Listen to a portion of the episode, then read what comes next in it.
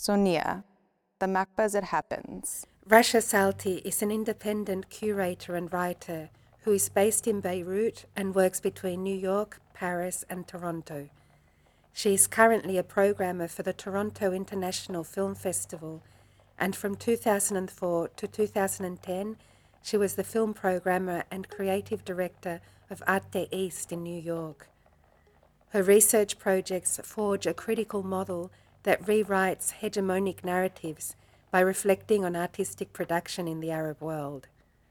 Sonia talks to Rasha Salti about the methodology of unearthing images that she uses in her research and about some of its repercussions. Her post colonial analysis of artistic production in modernism favours new narratives about the former East and West.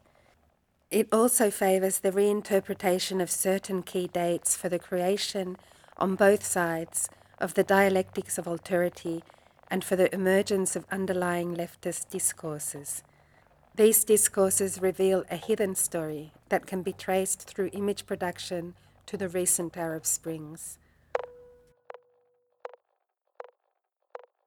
1989 The Former West and the Former East. I personally feel that the right wing conservatism and ultra liberal capitalism has really won or is winning. And part of their victory is not the fragmentation of the left, but is the lack of imagination of the left. So the former West is a very interesting enterprise. You know, after 1989, the world that was known as the Soviet bloc became referred to as the former East. I think that notion had currency for maybe 20 or 30 years, the former East. The former East was democratizing. The former East was an emerging market. The former East was basically becoming contemporary because the former East was out of time, was on, because Soviet time is different from Western time. And with this notion of the former East as an emerging market, there was also an art market and there was a real investment on the part of intellectuals from North America and the West who were supposed to come and hold the hand of these people who had no notion of democracy and show them, you know, step by step how it happens, teach them to accept the ethnic other, etc. And uh, the war in the um, Balkan was the most dramatic manifestation of how these people from the former East needed hand holding and needed uh, aid and needed intervention. So there was an emerging art market, and for a while, you know, the most expensive art was the Polish art or Russian art, and then very quickly, uh, it became the art from the time from the Soviet era right before the explosion. Okay, this is really boring. Um, at some point, intellectuals in the so called West decided to reverse that category and begin to think, to really like turn it upside down, and to propose a forum called the Former West. So, for the Former West, 1989 is a very significant date. For us in the Arab world and in the Middle East, 1989 was a problematic moment. First of all, there was a question in the you know think tanks in Washington and London and Paris. What the hell is wrong with these Arabs? Why can't they democratize as well? And this really gorgeous notion of the Arab exceptionalism came up. Apparently, we are a people who, because of our culture, because of warm weather, we apparently accept dictatorships. And we find, you know, informal ways to uh, have some kind of democratic practices that are only discernible by anthropologists from Princeton University and Harvard. But when it comes to taking these informal gestures, you know, to reorganize society, to determine our relationship to absolute power, etc., we're incapable of doing that. And of course, there's plenty of evidence right? We are societies that have rarely, supposedly, rarely answered to the dictator. Our unions are extremely docile. Students don't organize in associations to question or criticize. Our civil societies are profoundly eaten up by misogyny. We don't have middle classes. We have very, very rich people and very poor people. In fact, we've never had middle class. I mean, this is like this theory is like so, it's almost worse than colonial theory. I mean, it's only different in some color. It's like, you know, the difference between a pure pigment and a pastel. Ugh. Anyway, so when I was reading through it, I became so angry. And if you actually look at the good books that propose a history of the 1960s and 70s and 80s, hell, there is not one mention, one mention of bread riots, of women protesting almost on a yearly basis. You know, of course there are small centers that are you know, you know maybe to the left, but uh, that like study labor. I'll tell you one symptom of this, okay? UNDP and all these beautiful, like big institutes with a lot of money. What have they been producing in abundance, in almost obsessive abundance from the 60s until now? Poverty studies. Nobody has produced wealth studies. Nobody wants to study the rich. And the rich are there, of course. They have an apartment in London and in Paris. In fact, they are on the boards of the UNDP, etc. But yes, when you study the poor and don't study the rich, you decide, you come up with these conclusions, with these representations. Protests and the media. I remember finding a um, report drafted by a labor studies center in Egypt, in Cairo, about labor riots and civil actions taken by unions in 2008, 2009, 2010, and 2011. And I was, because of my work as a film programmer and a curator, I go to Cairo a lot. I go minimum once a year, and I have, you know, a network of acquaintances and friends. And let's say that I know the human rights activists, I know some, yeah? I know journalists, I know artists, I know art centers, filmmakers, etc. And the dissenting leftist political formations. When you go to Cairo in those years, in those times, you can see in the street that there are protests. But the protests that I saw, were really focused on regime change, on the call for democratization, on protests against very, very brutal repression of journalists and lawyers. And the media blackout is frightening, not just in Egypt. There was a consensus. Al Jazeera never broadcast these riots. BBC never broadcast these riots. And the protests are lead like you would find 50 people and 150 policemen. I once wrote an article about the first time I witnessed this. And the title is Cairo is the coldest city in the world. Because I remember waking up at 9 a.m., going in the street to buy coffee, and, uh, and then I saw the streets lined one by one policemen and these like big cars big vans. And there was complete silence.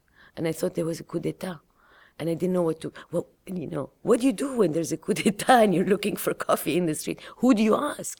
Like can you actually go into a coffee shop and say what's that?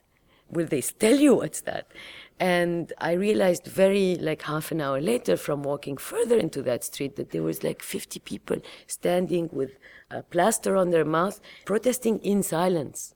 And that's the measure of brutality and dissent. So when you're in Cairo, you see this. And you never hear actually about what's going on in the factories outside Cairo. And this report claimed that there were in 2010 something like 429 labor actions, protests, strike. And when I read this, of course, I thought, okay, I'm completely missing reality here. I'm, you know, I'm a, bourgeois revolutionary or something like that. And I began to ask people, and then I realized there were YouTube links that actually the workers on strike filmed themselves and threw it out there. And then I understood another thing. They were not just rebelling against the factory management, they were also rebelling against their union leadership. Egypt is a very misogynist society, profoundly patriarchal. And it's one of the things that I always live uh, with extreme difficulty when I'm there. In one of the protests, it was a clothing manufacturer factory. The factory was changing ownership, globalization. It was going from state owned to an Indian global consortium. And the women were going to be fired. And they decided to chain themselves in the factory to their equipment and stay there. And the video, the footage showed their husbands coming to the factory with the kids so the mothers could kiss their kids before they go to school and bringing them food and then going back home. These are Egyptian, misogynist Egyptian, supposedly, misogynist Egyptian husbands who were cooking and taking their kids to school. This is, you know, it's not even supposed to be imaginable, let alone representable. So you understand where Tahrir came, came from, where the Arab Spring came from. And you understand they were great, the movement called Kifaya, which means enough, and the Cairo intellectuals and the human rights activists. Everybody did a lot of work, but you also understand that this is the heart of it. And these are not workers who went through workshops or training or no. They found the courage to rebel against their leadership and to rebel against management. And a lot of the times, their strikes were successful because they were very strategic. They had very precise list of demands. And they used, they were very strategic in when they went to strike. The incoming management from India is inheriting this factory that's, you know, supposedly dysfunctional or not profitable. And what happens? they land and they find this mess. Of course, they want to negotiate just to be able to start. And once one strike is successful, it spreads. This is one story. This is one way of writing history. I challenge you look at any book that has been written on Tahrir. Most of the narratives are centered in Cairo and in Alexandria. Most of the narratives will tell you Muslim Brotherhood this and kifaya and human rights, and it's true. These people were active. But for some reason, talking about everyday struggles and creating a history in those everyday struggles. Because the media needs to create superstars. So one of the superstars in Tahrir was a young woman. And this young woman is the daughter of a very famous leftist intellectual woman who shifted from the left to the Muslim Brotherhood. So she put on the veil, etc. And she was trained in NYU. So there are pictures of her in, in the 70s dancing in Washington Square Park in like, you know. And her father is a very well known dissident leftist poet whose poetry is very beautiful, speaks the Egyptian dialect, and has often been turned into song. He's very funny too. And so the daughter was in Tahrir, and you know she was often like the microphone in her face, and she's smart, and of course she comes from a household that has a vocabulary, that has a particular story. And her mother was in the protest as well, and so was her father. But the mother had been in Tahrir before, in 1977, very famous bread riots. Bread riots that also had unions, student associations, and women associations, women organizations. And one can basically, with these two incidents, 2011 and 1977, one can really retrace events and another history. A history, actually, that will show, which is what I tried to convey in that talk at the former West, that show societies that are boiling, that are in constant movement, that actually don't get tired of protesting. Is the exact opposite of the Arab exceptionalism. The Arab Spring and a new production of images. We can say that, you know, academia is lazy, there's no funding to write these kinds of histories, that the West does not really want to deal with a complicated Arab world, that the governments have indeed been dictatorships, and that these, of course, these dictatorships absolutely reject these versions of history. And so we can say, let's say that the scholars and the intellectuals have turned away from this landscape of rioting and dissent and organizing, then splintering, then reorganizing, then splintering. But what about artists and poets and filmmakers? Why haven't I seen these labor strikes in film? I mean, that's a big question. And that's when I began to put into perspective my reading of Arab cinema. What is representable, what is sayable, and what is not. And I began to also understand the Arab Spring and its consequences. The Arab Spring happened in an era where everybody has a camera. Everybody is Dziga Vertov, Jean-Luc Godard, and everybody thinks they're super interesting and their lives is really interesting and it's worth telling and it's worth showing. There's another motivation behind filming constantly, and that is collecting evidence. Collecting evidence for the court trial later, or collecting forensic evidence for the crime that you know will be committed, or you can tell will be committed. And there is the citizen journalism thing because of the media blackout. So we have, as a result of these very turbulent political changes an unthinkable, unquantifiable plethora of production of audiovisual moving image. What to do with it? How do we look at it? How do we catalog it? How do we indexify it? What is its relationship to cinema? That was also a big question for me. And, and thinking about how do we historicize them? You know, if filmmakers stopped being interested in looking critically at their societies, in telling stories of worker strikes, for example, perhaps it's because they didn't know about them, or perhaps because they would never find funding, or perhaps because they were not, they didn't think they were important. I don't know. But this production of images, I think one of my challenges is to construct the framework to put everything in a place. 1973, a crucial date. There is a hidden date in the Arab world. Reaganism and Thatcherism, they were not born in 1989. They were born in 1973. For the Arab world, 1973 is a very interesting date. First of all, there is what is known as the October War, which is basically the third Arab war with Israel, and where deals were cut a little too quickly. So Egypt wanted to reclaim the territory it lost in 67. Syria wanted to reclaim the territory it lost in 67. Egypt was able to, Syria was not able to. The hegemonic force in the Arab world until 73 was Egypt. In 73, Saudi Arabia is the richest Arab country and the most powerful. And it's a very different country from Egypt. And they decide, as fellow Arabs, to do the oil boycott.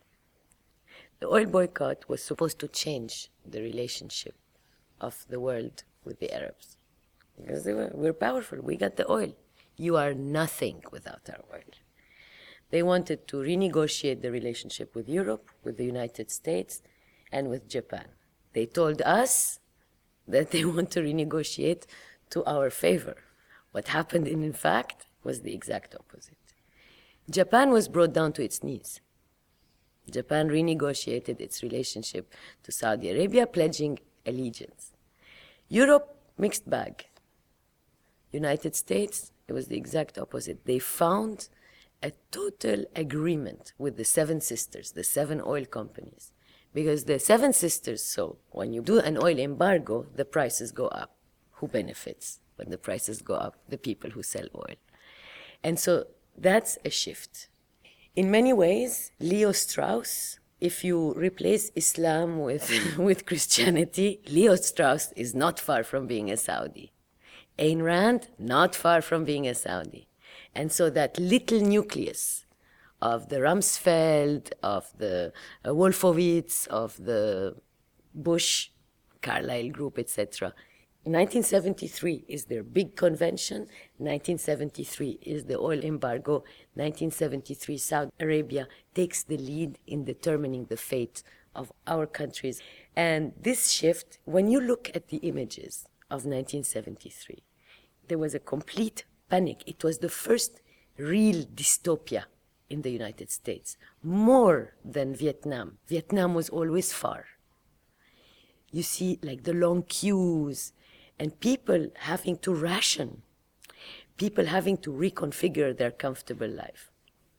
Comes also after civil rights movement, after the supposed Lyndon Johnson's war on poverty. So it's part of a world completely coming undone.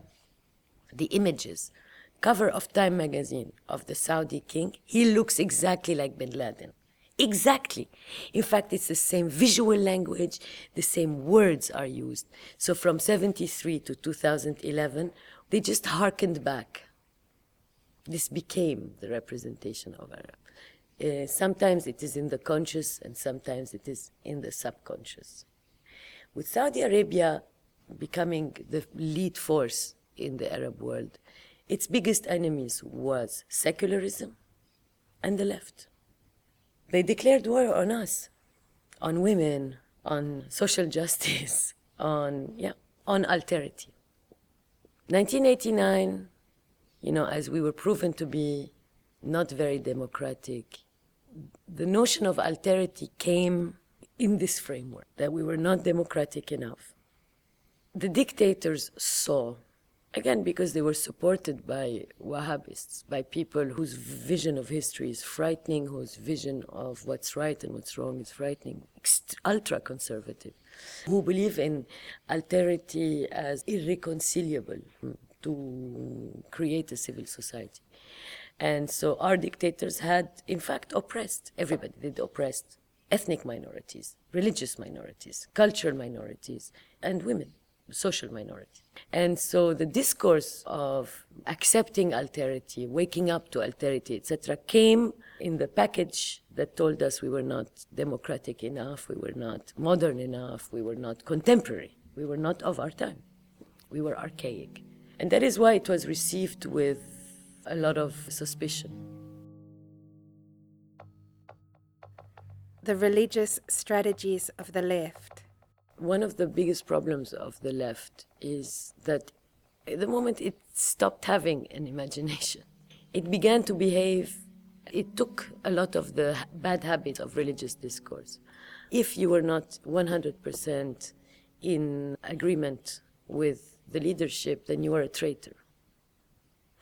And this discourse of treason is a kind of a, a funny moral gesture and it did what I don't think any interesting political movement can do. It's accepting the logic of the lesser evil.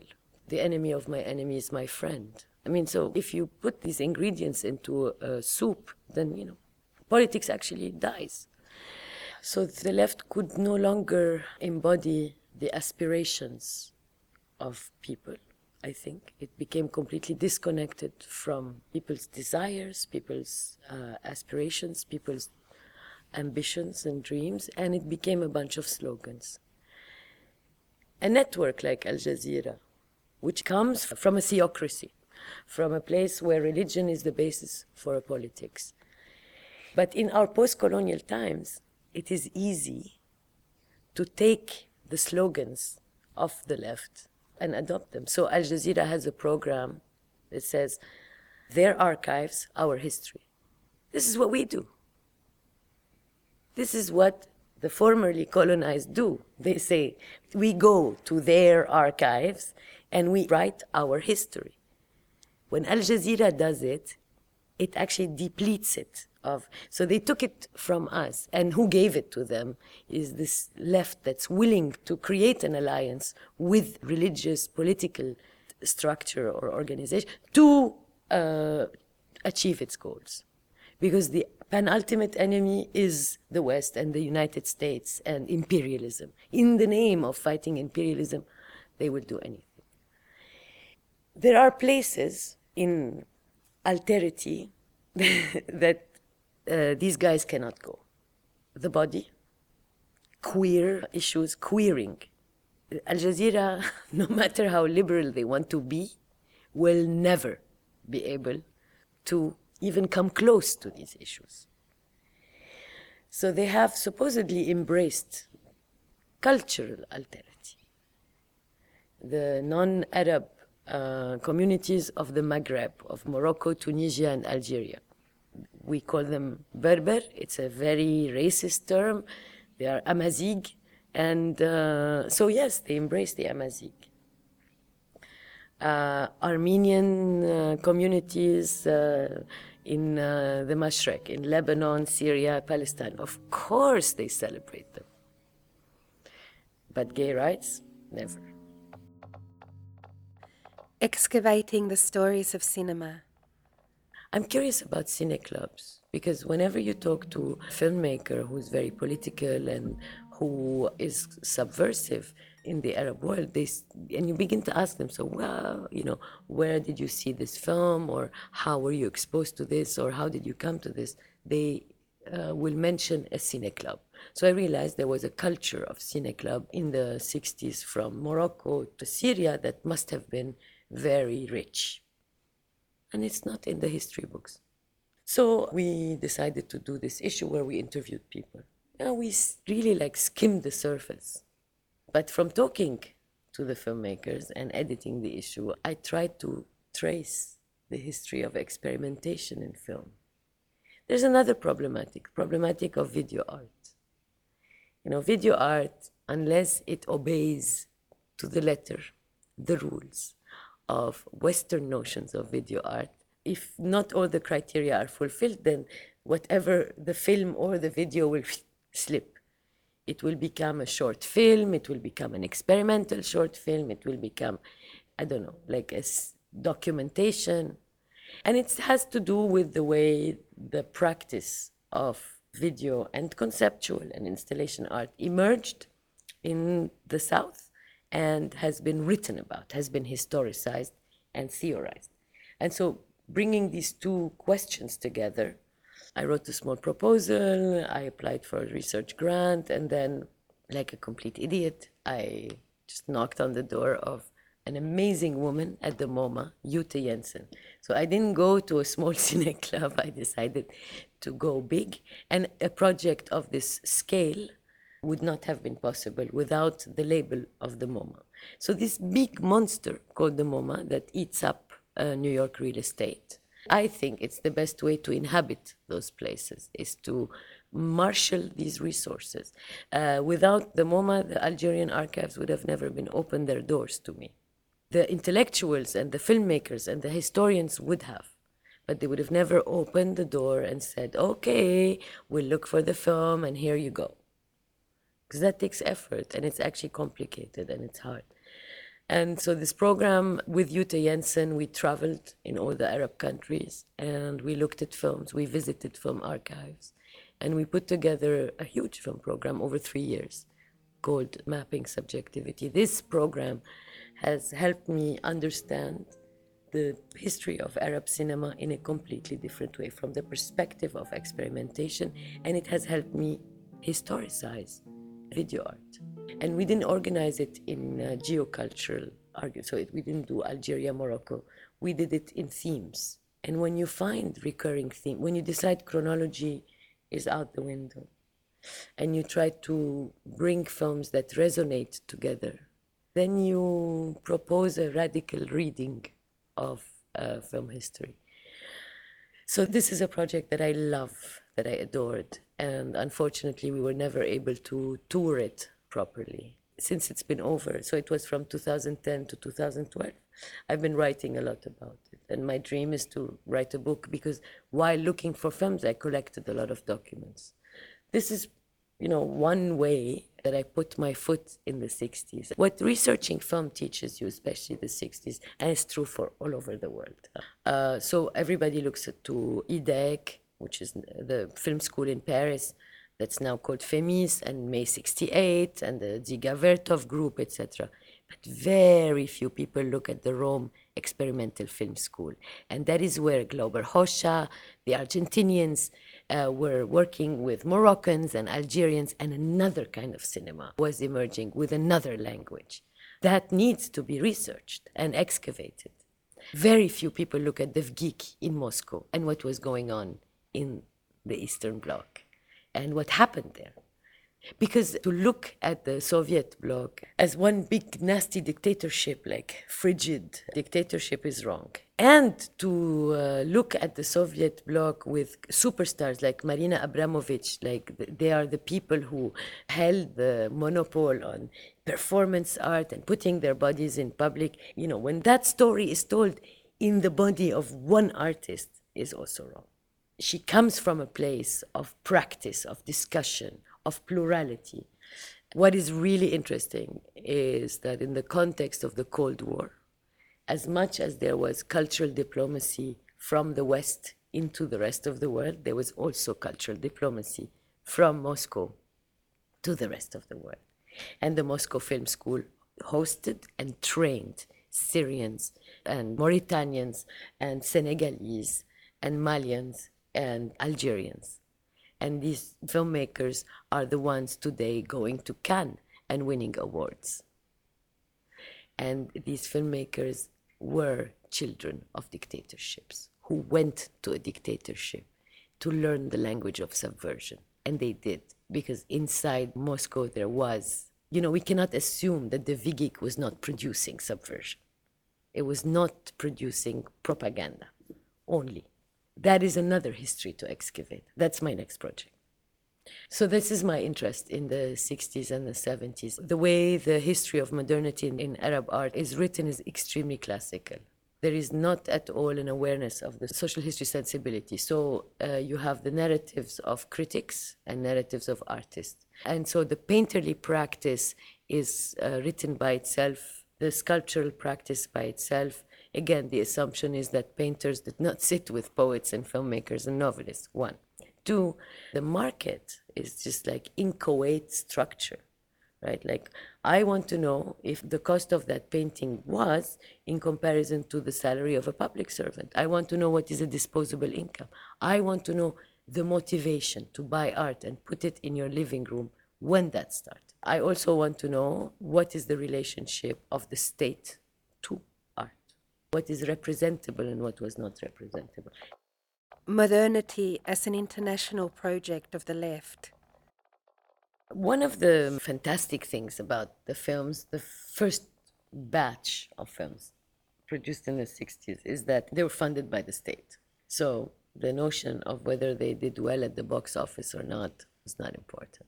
In some of them, there is this drive uh, that is typical of young nations, which is basically filmmakers very conscious of the fact that they are building a national patrimony, that they have to forge a new language for their country that was just liberated from colonialism. There's that.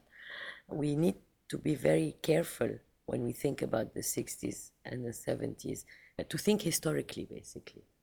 Uh, in the 60s and the 70s, the world was not north and south. People felt equal there is a moment where modernity was a project for everybody to shape together. There is no inferiority and superiority, especially in the expressive arts. So, filmmakers and artists felt that they were doing films Godard would have liked to make, and they invited him to come and make them. They didn't invite the master Godard, they invited their friend Godard, and so on and so forth. And I think Godard was more interested in screening Petit Soldat in Algeria than in France. It was more important for him. I mean, I love him, but it's not because I'm obsessed with him. It's just that he's easy to, he comes to my mind. But I mean, there are other examples.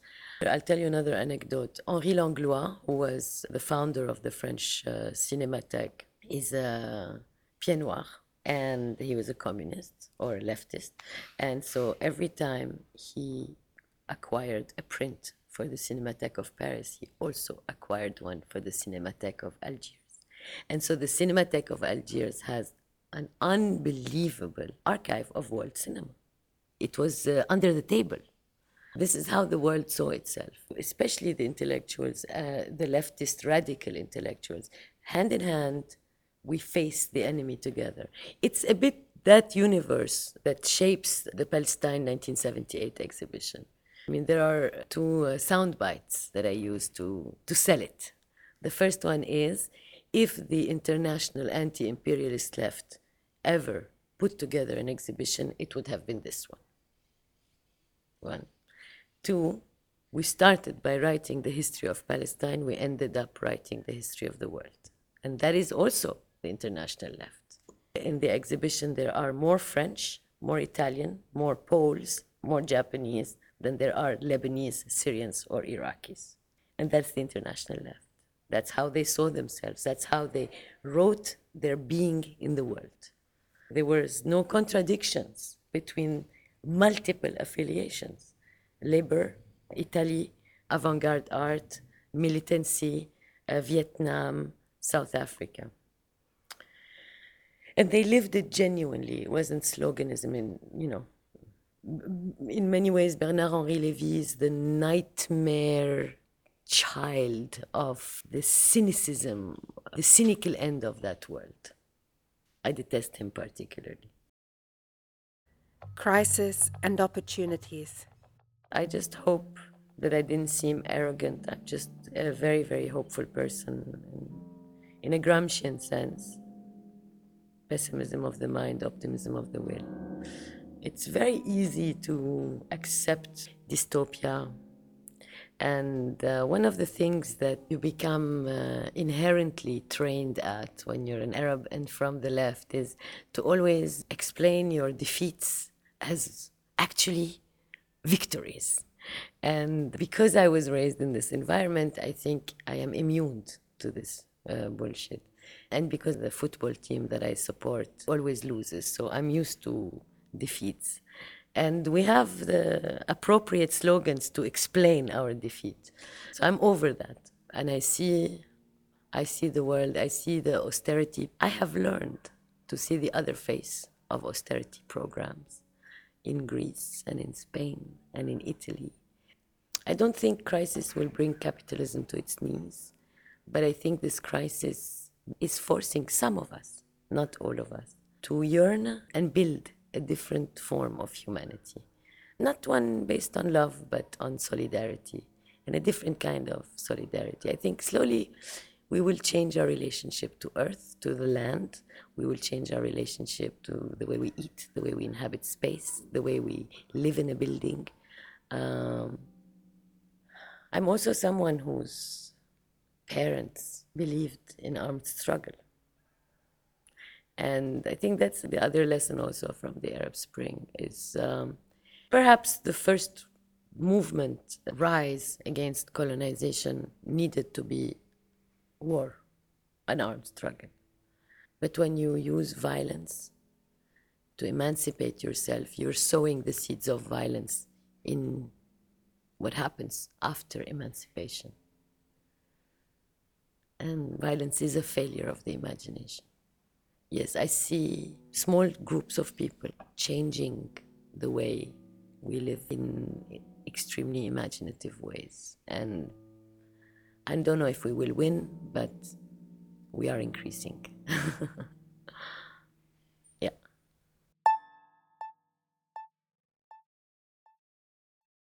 macba.cat.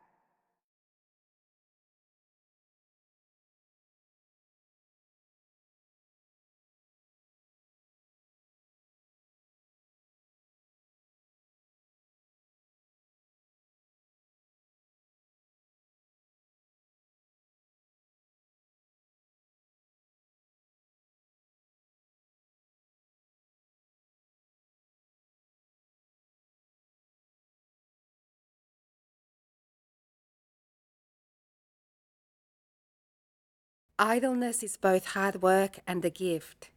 It is emptying the heart of its extra beats and knowing how to distinguish between time and time. He who has more time is freed from fearing time. Time is a smooth river for the one who does not notice it, and fierce and brutal for the one who gazes at it and is snatched by the abyss. The abyss is the seduction of depths and the gravitational pull of the unknown when the sky becomes a gaping expanse thick with clouds. Clouds, my friend, drape you and me in their cotton, in this place whose own attributes are masked by their lightness of form and essence of meaning. Meaning, too, waves from afar with a celestial hand, whose fingers have been worn down to stubs by excessive tilling of a fallow land. There is no happiness. In the Presence of Absence by Mahmoud Darwish.